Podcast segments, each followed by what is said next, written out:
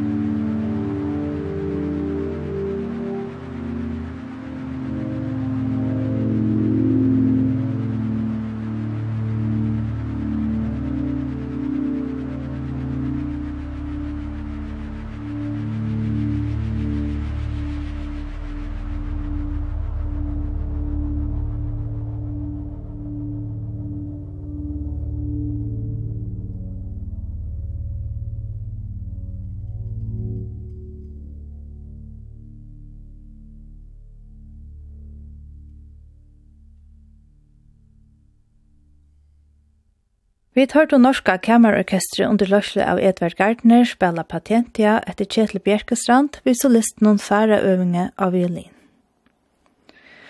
Var konserten til Førja Symfoniorkestre veru midt i mars måned. Ta veru celloleikaren Andreas Brantelid solister og færa framfor at vårsak cellokonsertene. Andreas Brantelid er 36 år gammal og framførte som solister første fer 14 år gammal ved Kongalia Teatrenon, her han spalt i Elgar. Så igjen ta hever han virka som solister i orkestron kring knøtten, han er samstarva ved tonleikare som Daniel Barenboim, Gideon Kremer og Joshua Bell. Og æsne hever han gjørst nekv av at innspela tonleik. Så igjen 2022 hever han undervurs som vidkjante professor av Sibelius Akademien i Helsinki. I 2019 gav han ut fløvo vid tonleitje etter bandonjenleikaren Per Arne Glåviken. Av fløvene spiller Per Arne sjølve bandonjen, og i er en minne utgave av en harmoniko, en konsertina, her tar er imiske tøvner av knøttenen om du trusjer ut eller inn. Hetta ljøvføre ble sera vinsalt i Sur-Amerika og vil ofta sett i samband vid tankotøvnleik her om løyer. Eina stikki av fløvene er senste bistrått, og jeg hever åtta små satser. Og en tilsipan til stykje en amerikamæver i Paris, Kjær Gershwin, er at homa, men her er hinvegin talan om tvær skandinavar i Buenos Aires. Vi tar av nå tarpoer Andreas Brantelid og Per Erna Glorviken framføra senste bistrått for cello og bandonion etter sjølvan Glorviken.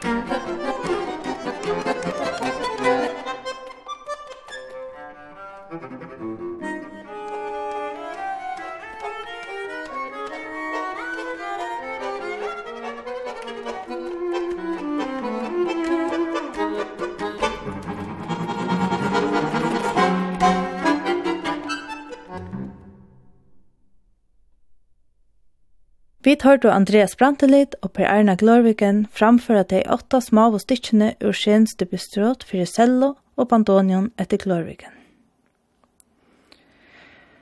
Årstøyene The Seasons er en ballett i fransmøren og russaren Marius Petipa koreograferer i og i tog som i det etter Marinsky-balletten i St. Petersburg. Det var Alexander Glasunov og skriva i toneløgjen til ballettene, og og balletten viser til fyra årstøyner her den første er veteren. Veteren hever fyra satser, frost, yser, heklinger og kæve. Kæva landsleie og i åperene byrjar øsne vi at veteren er omringaver av hesson fyra karakteren frost, ysi, heklinge og kæva, og det stuttlega seg vi kævaflikron, inntil en dvørgur kjemur inn av paddelen og tendrar upp bal som fær öll til. Vi tar nu tar fyra satserna i Vetrenon etter Alexander Glasanov, og det er Moskva symfoniorkester og spiller under Loslo av Alexander Anisimov.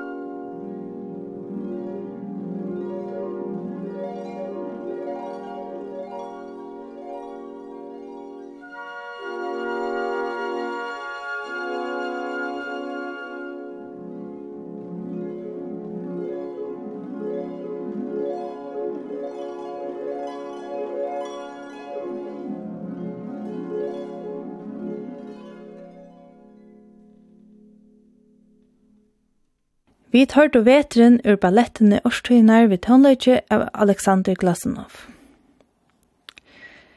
Stykket vi fører at rundt av vi i dag er øyne utra ved vetren. Frans Schubert skriver i ui 1822 sangklingren av vetrarferien, hon er skriva i tveimann omføren av tølv i kvørjen. Det er sagt at Schubert skriva i hendan tøndløyken medan han var deia sjukker av syfilis. Veteren var kommet iver han, og han var tunker og dæper i hoa, men han skriva i sannsjene til ischingarna til Wilhelm Müller. Første sangren i klinkrene ber høyde god nacht, og byrjar i mål vi årenon, Fremd bin ich eingezogen, fremd zieh ich wieder aus, og er omvare og blei til vetur. Men fjóra og sørste ørende byrjar ut ord her han skriver gaua natt av horena, så hon veit at han hoksa i om henne.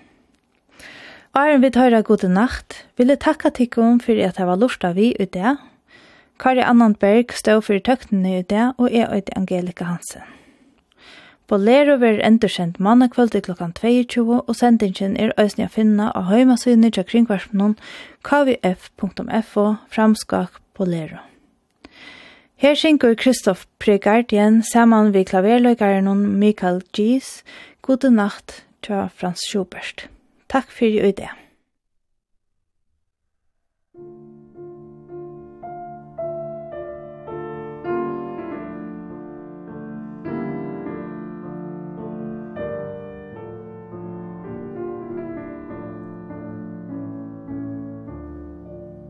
Fremd bin ich eingezogen, fremd zieh ich wieder.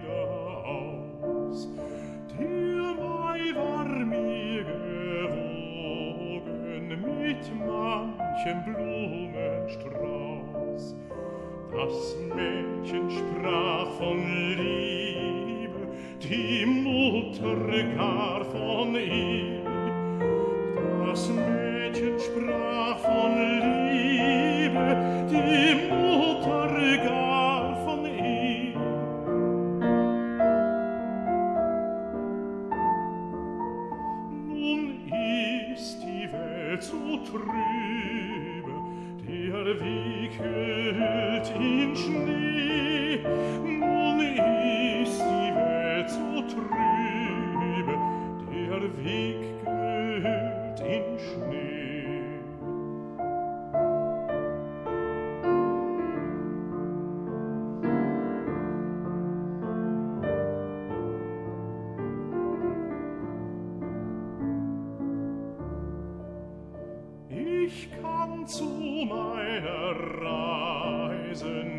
nicht wählen mit der Zeit, muss selbst den Weg mir weisen in dieser Dunkelheit.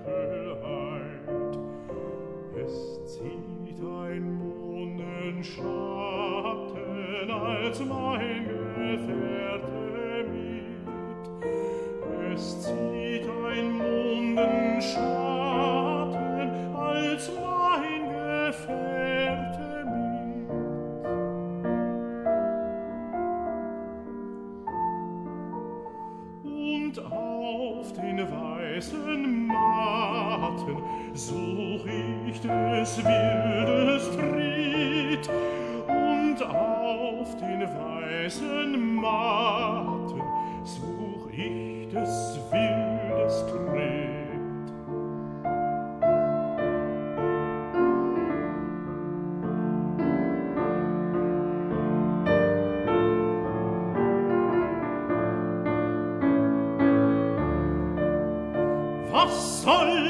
ich länger weinen, dass man mich trieb hinaus. Lass ihre Hunde heulen vor ihres Herren Haus.